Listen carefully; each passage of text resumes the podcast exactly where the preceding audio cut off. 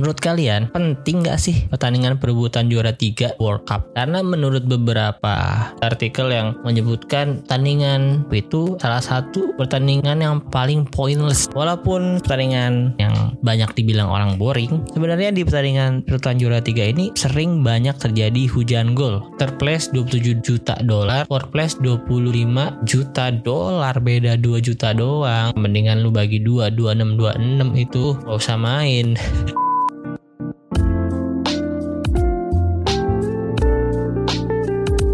Halo, selamat pagi, siang, sore, dan malam. Kembali lagi di Interisme Podcast, podcast yang bahas berita-berita seputar Inter yang dikutip dari sosial media dan portal-portal berita olahraga.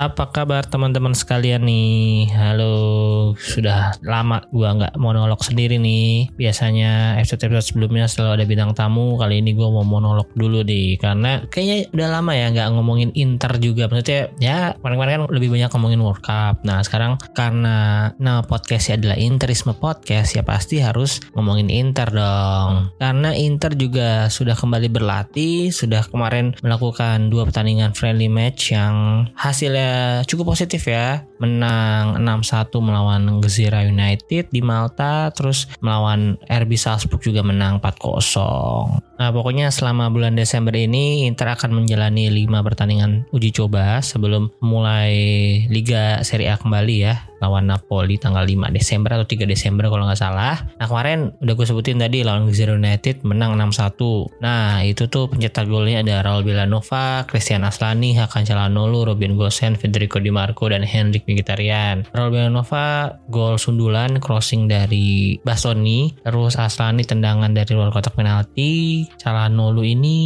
free kick kalau nggak salah. Gosens, Trupas gitu, golnya gol Trupas, Federico Di Marco, gol crossing, terus gol terakhir Henrik Mkhitaryan, Di Marco yang crossing, dia yang assist. Nah, jadi lawan tim seperti Zero United memang sudah seharusnya menang dan uh, uji coba yang bagus ya uh, setelah berapa lama nggak bertanding 90 menit, walaupun pemain-pemain yang main juga nggak full 90 menit sih. Kalau dari menit bermain sih pokoknya semua pemain tuh digantiin. Semuanya main deh. Kecuali ini ada kalau gue baca di line up ada Gabriel Brazau yang dibawa tapi nggak main. Ya mungkin ini salah satu pemain yang teman-teman udah banyak denger juga ya namanya kiper Brazil yang di awal-awal kedatangannya sempat dielulukan disanding-sandingkan dengan Julio Cesar. Karena posturnya juga nggak terlalu tinggi dan asalnya Brazil tentunya. Tapi selama ini cedera mulu dan ACL kalau nggak salah. Dua-duanya pas satu kaki doang deh pokoknya ngeri lah. Pasti mudah ada cedera ACL tuh ngeri. Biasanya agak sulit untuk berkembang. Nah selain itu ya namanya uji coba harusnya banyak menggunakan pemain-pemain muda ya. Kalau di di starting line up sih memang gak ada pemain muda. Tapi di bench banyak banget. Ada Denis Kuratolo Nikola Ilif Alexander Stankovic ini juga anaknya Stankovic ya. Pokoknya main-main mudanya banyak deh. Alex Kordas juga main muda kan. Kemarin main juga. Oke terus next ke pertandingan selanjutnya yaitu melawan RB Salzburg. Tadi gue udah sebutin yang golin lagi-lagi Henry Mkhitaryan 2 gol. Francesco Acerbi 1 gol. Valentin Carboni gol terakhir ya. Crossing dari Robin Gosens itu juga Robin Gosens cukup oke okay, menurut gue sih di dua pertandingan ini. Emang seharusnya begitu ya karena uji coba ini lawannya nggak terlalu ngotot juga sih kayaknya. Kalau kita lihat dari skuadnya eh, RB Salzburg sih kipernya mantel. Kayaknya pemain utama terus depannya ada Konate terus tengahnya ada Kameri. Nah siapa lagi yang gue tahu ya nama-namanya gak banyak sih sebenarnya. Tapi ya hasil yang bagus. Lihat entah mengapa. Dari awal preseason setiap pertandingan friendly match dia mainnya bagus. Ya memang di Serie A di sama Inter juga udah lumayan oke okay sih. Gue harap performanya bisa berlanjut lah ke pertandingan kompetitif yang selanjutnya. Kemudian ya, selanjutnya Inter akan bertanding melawan Real Betis tanggal 18 ya. Terus lawan Regina terakhir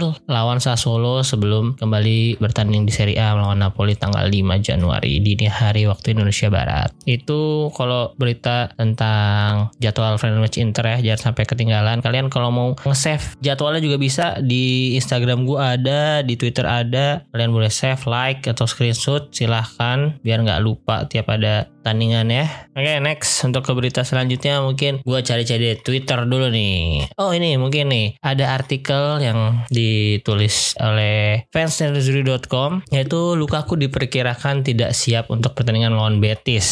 Nah ini kan sebenarnya main-main yang bertanding di World Cup kemarin yang nggak lolos, yang udah tereliminasi, udah pada balik nih. Pertama Onana kemarin yang udah dicoret dari pertandingan kedua, mungkin dia langsung packing pulang, siap-siap. Eh sempat liburan dulu di kampung halaman main Tarkam yang nggak serius lah fun football. Di akhirnya udah balik juga. Kapian Gentil, terus Lukaku yang ah, sayang sekali Belgia harus gugur ya. Setelah sebelumnya maksudnya di 2018 mencapai apa? mendapatkan finish terbaiknya itu di peringkat ketiga 4 tahun bersilang mereka gugur uh, ya gue nggak ngerti ini golden generationnya Belgia kenapa bisa begitu gitu ya mungkin faktor utama yang paling ininya sih pelatih ya pelatih mediocre lah banyak media-media dan pandit-pandit menganggap kayak gitu juga. Balik lagi ke Lukaku nih Lukaku sebenarnya dia udah balik kemarin di World Cup juga sebenarnya masih belum fit 100% karena menit bermainnya juga masih minim banget. Di training pertama dia nggak main training kedua ketika kalah sama Maroko dia cuma main bentar belasan menit. Terus lawan lawan Kroasia yang hasilnya seri juga dia main 40 menit doang. Babak kedua ya dan banyak membuang-buang peluang loh kalau nggak salah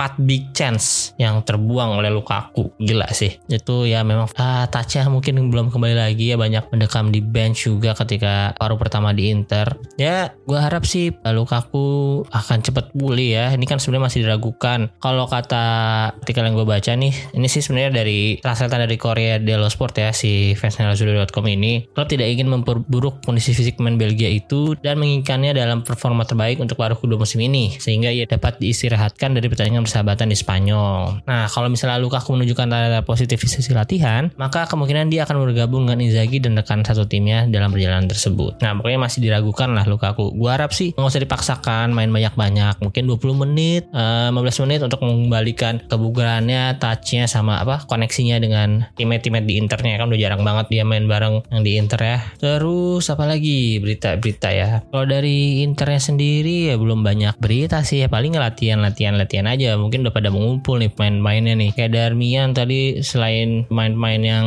World Cup kan ya tadi ya Darmian mungkin untuk cedera. Semuanya udah hampir balik, hampir full tim lagi ya kecuali mungkin memang cuma minus 4 doang ya pemain yang masih berlaga di World Cup ya karena Davris sama Devra juga baru kalah terus Brozovic sama Lautaro kan masih bermain di Piala Dunia ya. Gue nggak tahu tuh nanti mereka berempat bakal langsung balik aplikasi liburan dulu seminggu dua minggu sampai ya mungkin baru bisa kumpul lagi pertandingan uji coba terakhir lawan Sassuolo sih di akhir tahun. Berita apa lagi ya? Mungkin itu aja sih untuk sekarang. Nah, episode kali ini juga kayaknya nggak panjang-panjang banget ya. Nah, mungkin sekarang gue ngomongin pemain Inter yang masih ada di World Cup nih ya. Pertama adalah Taur Martinez yang kemarin menang melawan kompatriotnya di Belanda dan Kroasia ya. Pertama kan lawan Belanda menang ya bisa dibilang cukup dramatis lah ya itu pertandingan penuh drama penuh intrik-intrik juga di luar maksudnya di luar sepak bolanya gitu di luar permainannya. Banyak saling trash talk. Ya pokoknya cukup seru sih atmosfernya. Itu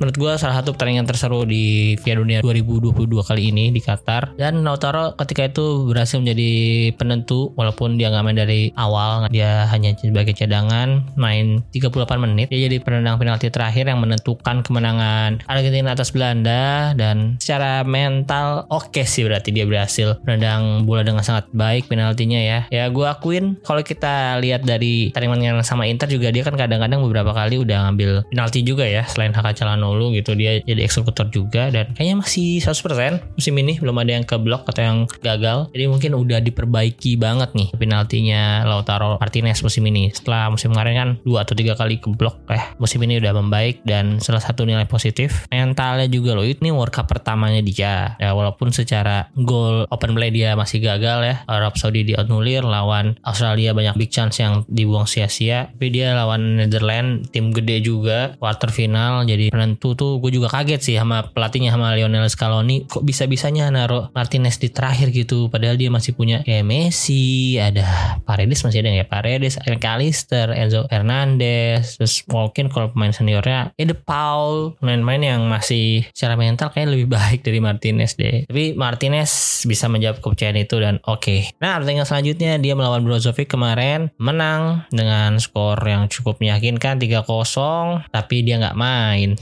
Jadi untuk pertama kalinya nggak dapat menit bermain di World Cup 2022 ini karena di menit 74 ketika udah unggul 3-0 Julian Alvarez sudah ditarik tapi Scaloni lebih memilih si Dybala untuk dimainkan ya. Kayaknya dia juga baru dapat kesempatan sekali ya si Dybala. Ya gue juga nggak terlalu ngikutin sih kalau Dybala gue nonton Argentina pengen lihat Messi sama Martinez doang sih. Alvarez juga oke sih sebenarnya. Alvarez sayang banget nggak jadi kebeli Inter ya. Di Lego-Lego ya mungkin harganya nggak cocok juga nggak dapet dan dia lebih condong ke Liga Premier League apalagi Manchester City gitu. Nggak mungkin dia nolak sih. Sedangkan Brozovic sebagai pemain Inter juga yang kalah di pertandingan kemarin dia ditarik di menit ke 64 atau berapa ya? Itu sangat tidak biasa ya. Biasanya Brozovic main 120 menit kemarin. Maksudnya dia kan dari knockout itu udah adu penalti mulu tuh. Udah extra time mainnya. Lawan Jepang Brazil dia main maksudnya 120 menit kalau Brazil 118 menit. Pokoknya menit mainnya banyak cover distance-nya paling banyak. Dia mencetak rekor juga kan kemarin gue post di Instagram. Mencetak rekor baru untuk distance covered gue 6,7 kalau nggak salah. Mengalahkan rekornya sendiri gitu. Ya biasanya dia main paling banyak gitu sampai akhir. Cuman di 64 dari tarik ya memang nggak perform sih. Di babak satu dia banyak banget salah passing terus positioningnya juga nggak oke. Okay. ya banyak miss lah intinya. Tapi pemain pengganti Brozovic juga nggak membuat permainan Kroasia bagus sih. Yang oke okay sih memang cuman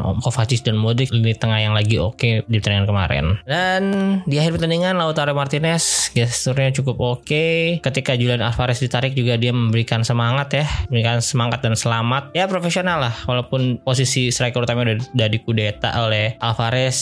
Ya namanya timnas. Ya tetap mainnya untuk negaranya sendiri. Siapa pun yang golin siapa pun yang main. Kalau menang golin pasti selebrasi dong. Nggak mungkin. Martinez malah dan setelah game juga dia menyamperin Perisic ya yang merupakan mantan main Inter kompatriotnya juga. Di musim lalu sebelum Perisic pindah ya banyak juga koneksi-koneksi yang terjadi di antara mereka berdua ya. Kadang-kadang dia ngasih assist juga Perisic ke Martinez. Dan salah satu pemain Inter yang paling lama juga ya. Pokoknya ketika Lautaro pertama kali datang ke Inter tuh udah ada Perisic. Ya semoga aja di final nanti siapa pun lawannya Martinez bisa dimainkan lah. Pokoknya dikasih menit bermain lah ya jangan sampai nggak dapat menit bermain gitu karena si Julian Alvarez lagi bagus. Tapi kalau untuk starter sih memang sih gue yakin enggak sih. Kayaknya masih Julian Alvarez Messi sih untuk di depannya. Pokoknya yang penting dapat menit bermain. Episode kali ini mungkin sebagai episode jawaban dari episode sebelumnya ya yang gue ngomongin Piala Dunia bareng podcast mampir ke Meaza itu episode ke-13 iya 13 pokoknya gue ngomongin mungkin gak nih kira-kira main Inter bakal balik ke final World Cup lagi karena dari tahun 1982 main Inter selalu sengganya ada lah di final itu. Pokoknya semuanya bermain deh. Kalau nggak salah ya ini kalau nggak salah pokoknya semuanya dapat menit bermain. Eh, yang terakhir itu ya tahun lalu Perisic Kulozovic starter dan mungkin mainnya 90 menit juga pokoknya main full. 2014-nya ada Argentina ya dan itu Palacio juga main sebentar sampai extra time sih. Pokoknya menit 78 masuk dia lah. Yang nggak main tuh Ricky Alvarez sama Hugo Campagnaro saat itu. Nah intinya dari 1982 sampai 2018 kemarin nggak cuman mengirimkan satu main ke final tapi main itu juga main dapat menit bermain gitu dan jangan sampai nih terputus di Lautaro Martinez ya semoga Martinez dapat menit 30 menit lah enggaknya kalau misalnya di final besok si Alvarez agak buntu langsung aja ganti Martinez tuh. Oh iya, kali ini gue ngetek tanggal 15 Desember tepat setelah pertandingan Perancis melawan Maroko semifinal ya. Dan sayang sekali harus dimenangkan oleh Perancis karena gue ngedukung Maroko. Ya, selain ada Hakimi, gue pengen ada sebenarnya pengen juara baru, tapi pengen juga kalau nggak ada juara baru ya udah Argentina yang menang gitu. Jadi kalau dua-duanya masuk final kan Argentina Maroko kan keinginan gue terwujud lah gitu. Apalagi dari Afrika gitu ya. Untuk pertama kalinya juga kan tim Afrika sampai semifinal dan itu langsung Maroko loh, bukan tim Afrika yang biasanya berbicara banyak di World Cup kayak Kamerun, Senegal, timnya Ashraf Hakimi ya mantan main Inter yang bermain cukup bagus di World Cup kali ini bersama Ziyech terus ada Mazrowi juga yang kemarin ketemu Inter di ketika dia main di Bayern. Terus ada Ahmad Sabiri main Sampdoria, Buffal, coba lagi ya uh, notable player itu. Oh Bono tentunya kiper yang sangat uh waktu lawan Inter aja Sevilla ngeselin. Maksudnya bukan ngeselin dianya sih, jagonya itu loh ngeselin. Beberapa kali ya Martinez suka aku punya kesempatan berhasil digagalkan oleh Bono ini. Ya, tapi terlepas dari itu karena Argentina lawan Prancis ya pasti gue dukung Argentina dong. Kalau Messi juara kan udah selesai tuh perdebatan god-godnya sama Ronaldo. Lagi Ronaldo sekarang lagi nggak punya klub. ya tambah apa ya? Tambah ini aja pasti dia terpuruk.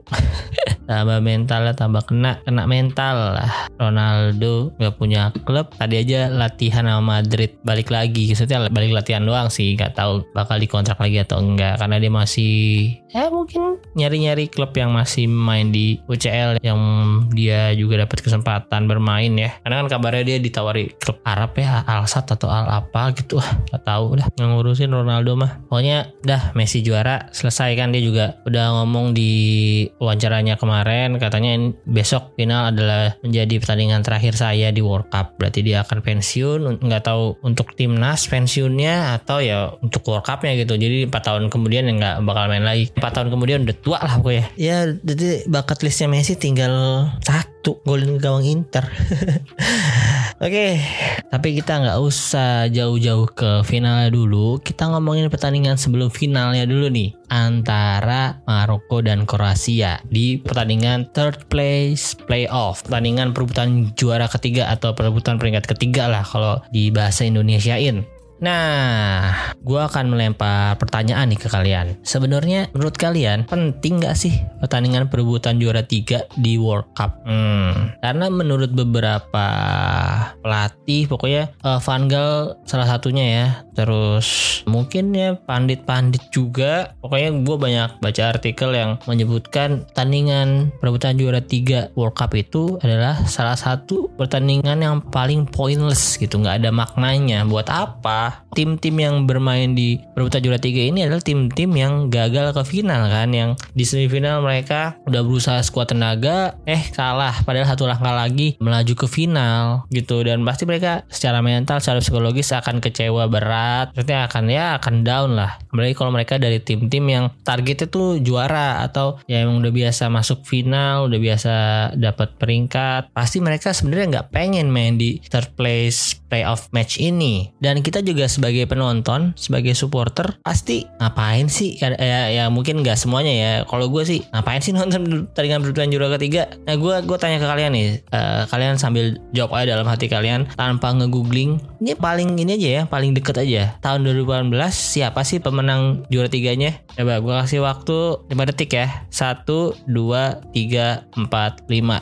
Stop. Kalau kalian belum dapat jawabannya berarti mungkin bagi kalian pertandingan itu nggak berkesan, nggak bermakna dan nggak ada artinya sehingga kalian lupa. Tahun 2018 kemarin yang jadi juara tiga yaitu Belgium ya. Pertandingannya melawan Inggris menang 2-0 yang golin Thomas Menir sama Eden Hazard. Ya mungkin untuk Belgium mereka ngincer menang. Mungkin ya karena third place ini adalah pencapaian terbaik Belgium selama di World Cup. Sedangkan untuk Inggris ya mungkin mereka lebih nggak niat gitu karena ya tahu sendiri kan Inggris setiap pertandingan World Cup. It's coming home. It's coming home. Menang 2-0, it's coming home. Menang 5-1, it's coming home. Oke, menang-menang di awal pada lawan-lawan tim yang ya. papan bawah lah. Maksudnya bukan ranking atas FIFA. Menang sedikit menang. Kalian berapa sih lawan Iran? 5-1 atau 6-1 sih? Pokoknya it's coming home lah. Langsung. Supporter-supporternya. Nah pasti kan secara di pemain juga pasti targetnya setiap tahun juara. Setiap tahun pasti inilah golden generation Inggris. Pemain main terbaik Inggris di era itu ya mulai dari eranya Beckham itu kan golden generationnya di 2006 terus kemarin juga yang untuk Dele Ali Harry Kane itu 2014 apa 18 kemarin ya. Itu digadang-gadang dulu jadi golden generation. Eh hasilnya nol besar. Ya enggak sih di semifinal mereka ketemu Kroasia juga cukup fight sebenarnya dan tapi Kroasia yang si jago extra time itu pokoknya di extra time mereka selalu menang ya. Bisa memberikan permainan dan perlawanan yang lebih baik daripada Inggris. Dan ketika kalah di semifinal mungkin Inggris sudah ah males lah, udah gamut lah. Ya.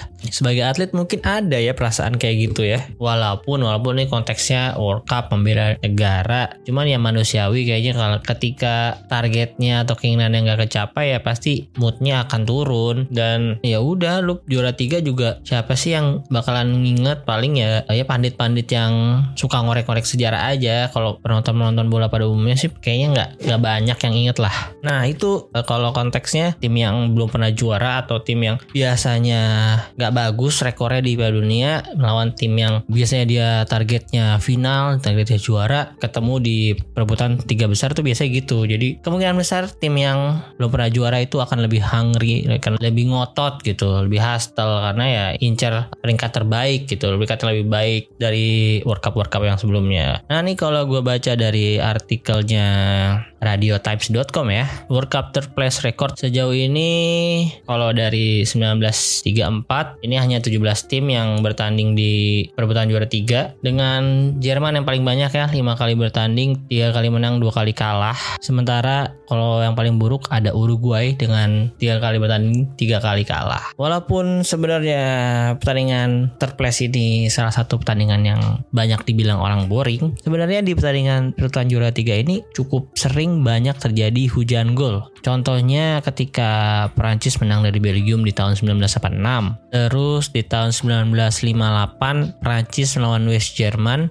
dengan skor 6-3 9 gol gila di satu pertandingan. Itu mungkin salah satu high scoring rekor juga ya pertandingan high scoring rekor di World Cup. Dan kalau menurut in.as.com dari 19 pertandingan perebutan juara 3 total gol yang tercipta ada 73 gol nah itu jumlah yang cukup banyak sih kalau di rata-rata berarti aduh males lagi gua ngitung ya. 73 bagi 20 aja tiga setengah gol lah ya. Tiga setengah gol berarti 3 sampai 4 gol harusnya bisa tercipta di third place playoff match World Cup. Nah kali ini gue mau bacain artikel dari sportingnews.com. Gue akan membacakan uh, beberapa pertandingan World Cup third place matchnya. Tahun 1994 Austria Uruguay menang Austria. Gila Austria mungkin itu salah satu pencapaian terbaiknya ya. Terus tadi Prancis West Jerman menang Prancis 6-3. Terus mana lagi ya? West Jerman Uruguay menang West Jerman. Terus Prancis Belgium tadi 1986 menang Prancis 4-2 kan tadi. 1990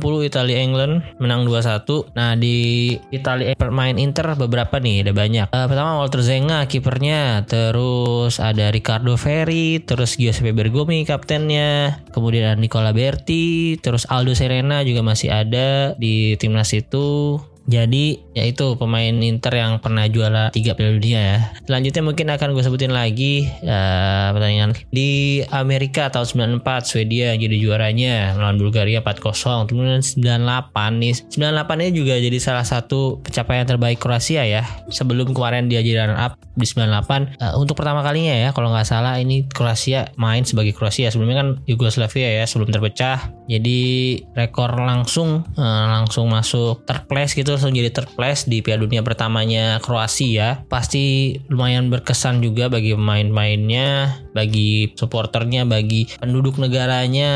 Langsung mer kan gue nggak tahu tuh merdeka atau enggak sebutannya. Kalau jadi terpecah beberapa terus di sepak bolanya langsung diberikan menangan lah ya intinya. Tapi di skuad Kroasia 98 itu nggak ada main Inter satupun sih. Karena Dario Simic waktu itu masih umur 22 masih di masih main di Kroasia Zagreb. Pas tahun 2002 Jepang Korea tuh baru si Dario Simic udah main di Inter. Oke, okay, next ke tahun selanjutnya yaitu 2002. Nah, ini menurut gua salah satu pertandingan perebutan juara ketiga ya terbaik sih ya. Gua nggak tahu yang lainnya tapi ini salah satu yang gua tonton dan karena dua tim ini nggak langganan gitu, nggak langganan juara, nggak langganan empat besar Piala Dunia ya jadi mereka ngotot mainnya. Ingin peringkat terbaik apalagi apalagi South Korea tuan rumah gitu. Ngalahin Itali main di semifinal kalah tuan juara tiga lawan Turki yang notabene juga bukan tim besar. Turki ini kalau gue lihat dari Wikipedia ya dia tuh main World Cup pertama kali tahun 1954 1930 sampai 1950 itu dia kadang-kadang nggak masuk kadang-kadang withdraw gitu. Jadi ya mungkin masih konflik saat itu negaranya jadi memilih untuk nggak ikut. 1954 ikut cuman posisi 9 1958 dia withdrew berarti nggak ikut serta mengundurkan diri. Kemudian 1962 sampai 98 did not qualify, nggak pernah lolos kualifikasi. Sampai akhirnya tahun 2002 di Jepang Korea dia masuk lagi. Ya mungkin karena dulu itu formatnya gua nggak tahu sejak kapan ya. Cuman waktu itu 6 grup ya, 6 grup kayak Euro sekarang. Jadi 6 grup 4 tim berarti cuma 24 tim. Nah, 2002 itu udah 32. Jadi mungkin chance lebih besar. Tapi gua nggak tahu mulai dari 22 atau 98 atau 94 bahkan. Dan intinya dia langsung third place. 2002 dia ketemu Brazil kalah jelas. Terus lawan Senegal menang 1-0 extra time. Lawan Jepang 1-0 yang sebagai tuan rumah ya notabene dia ketemu tuan rumah dua kali berarti di pertandingan itu. Dia ketemu Jepang sekali, ketemu Korea Selatan sekali dan menang dua-duanya. Lawan Cina juga menang 3-0 ya. Sebenarnya ya emang mulus sih jalurnya. Nggak nggak terlalu bergerenjel lah. Tapi tapi pertandingannya seru-seru semua gitu nggak nggak menang udah langsung Turki juga saat itu diisi main-main yang oke okay ya. Ada pemain Inter juga yaitu Okan Buruk sama Emre Berzoglu. Nah itu nambah list main Inter yang juara tiga Piala Dunia tuh. Terus next ada 2006 2006 tuh Jerman Portugal. Ini juga uh, Jerman menang 3-1 ya. Untuk ini mungkin Portugal yang lebih inferior harusnya karena Jerman juara dunia dan tuan rumah juga di 2006. Sedangkan 2000, 2006 ya salah satu uh, ya bintang Portugal baru lahir tuh.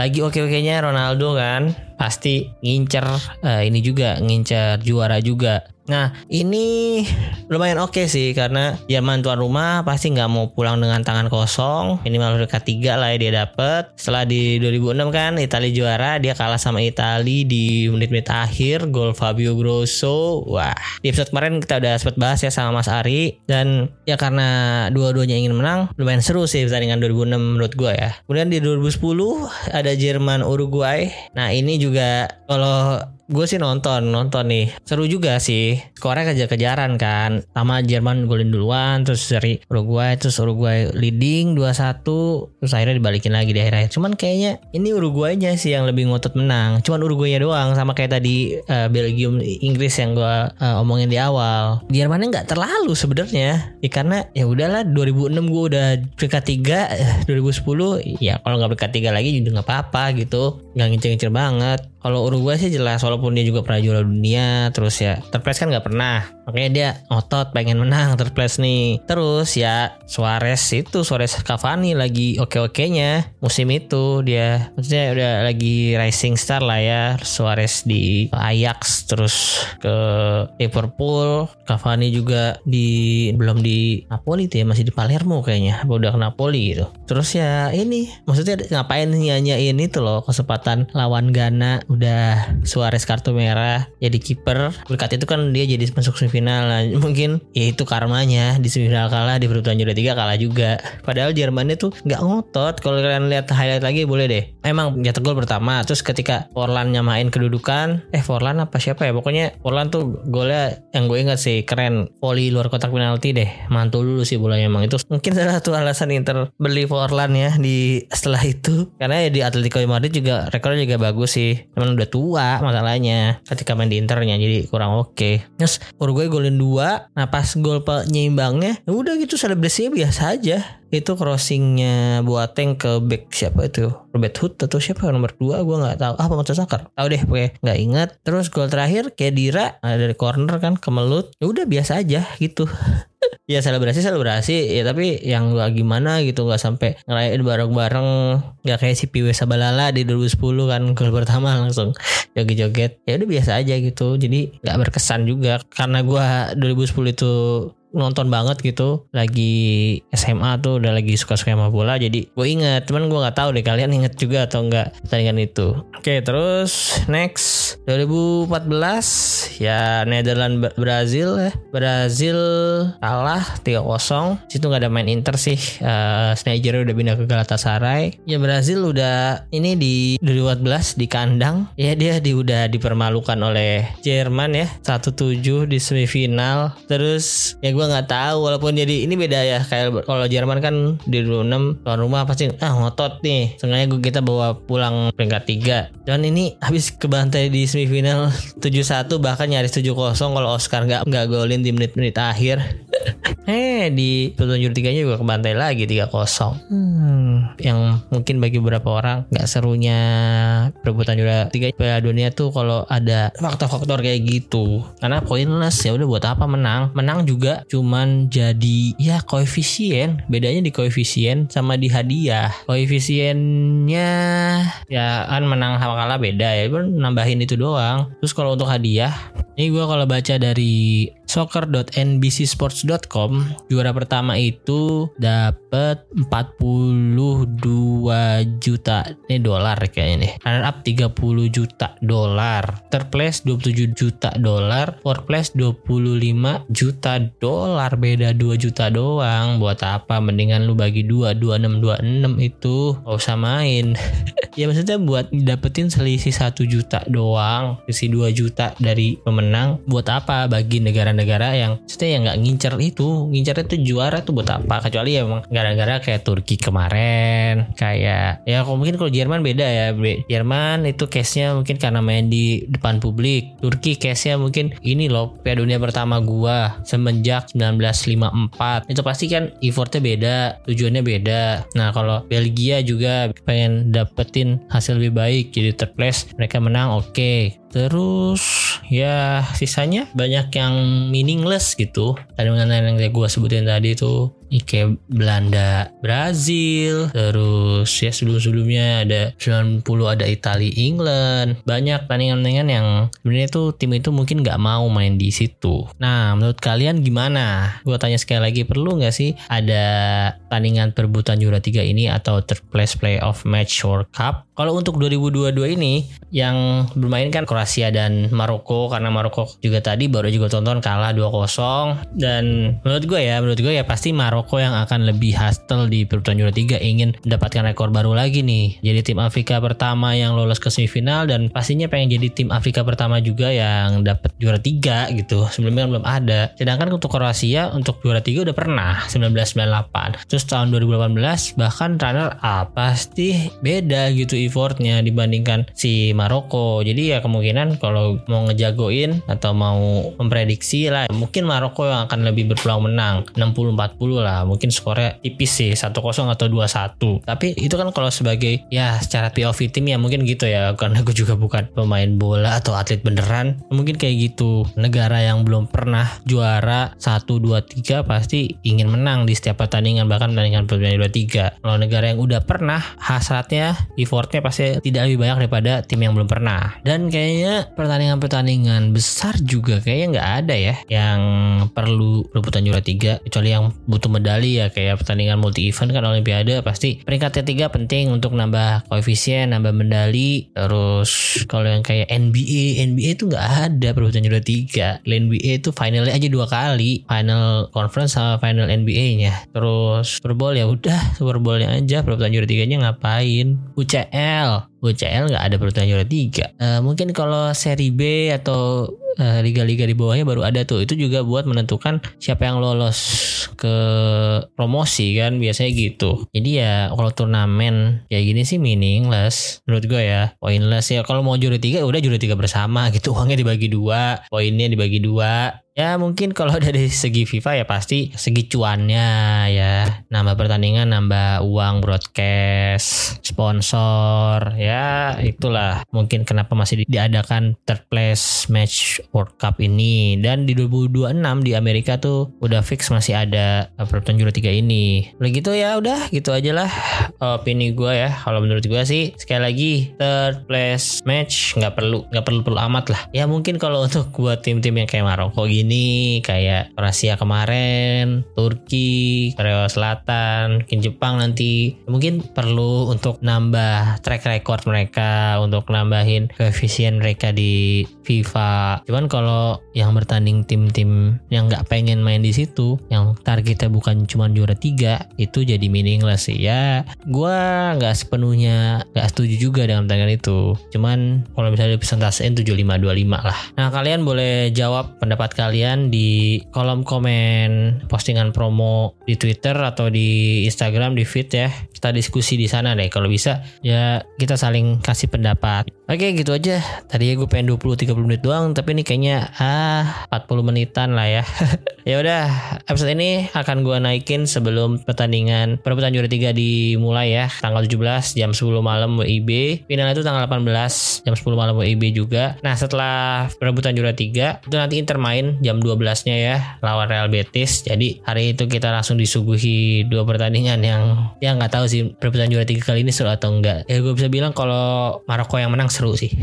Karena jadi rekor juga jadi sejarah baru. Kita kan mau nonton World Cup pasti pengen ada sejarah-sejarah yang baru ya. Kemarin juara baru lah atau ya tim besar kalah. Itu kan justru jadi jadi hiburan bagi penonton-penonton netral kayak kita. Oke kalau gitu segitu aja untuk episode kali ini. Terima kasih untuk teman-teman yang mendengarkan. Jangan lupa di follow akun sosial media gua. Kalau di Twitter ada Interisme Media di Instagram ada Interisme Podcast tolong kasih masukan. Masukan kritik saran silahkan ya boleh. Terus jangan lupa kalian follow akun Spotify dan Noise-nya juga ya di subscribe gitu dan nyalain loncengnya biar kalian dapat notifikasi tiap ada episode baru. Sekali lagi terima kasih sampai jumpa di episode selanjutnya. Arrivederci Forza Inter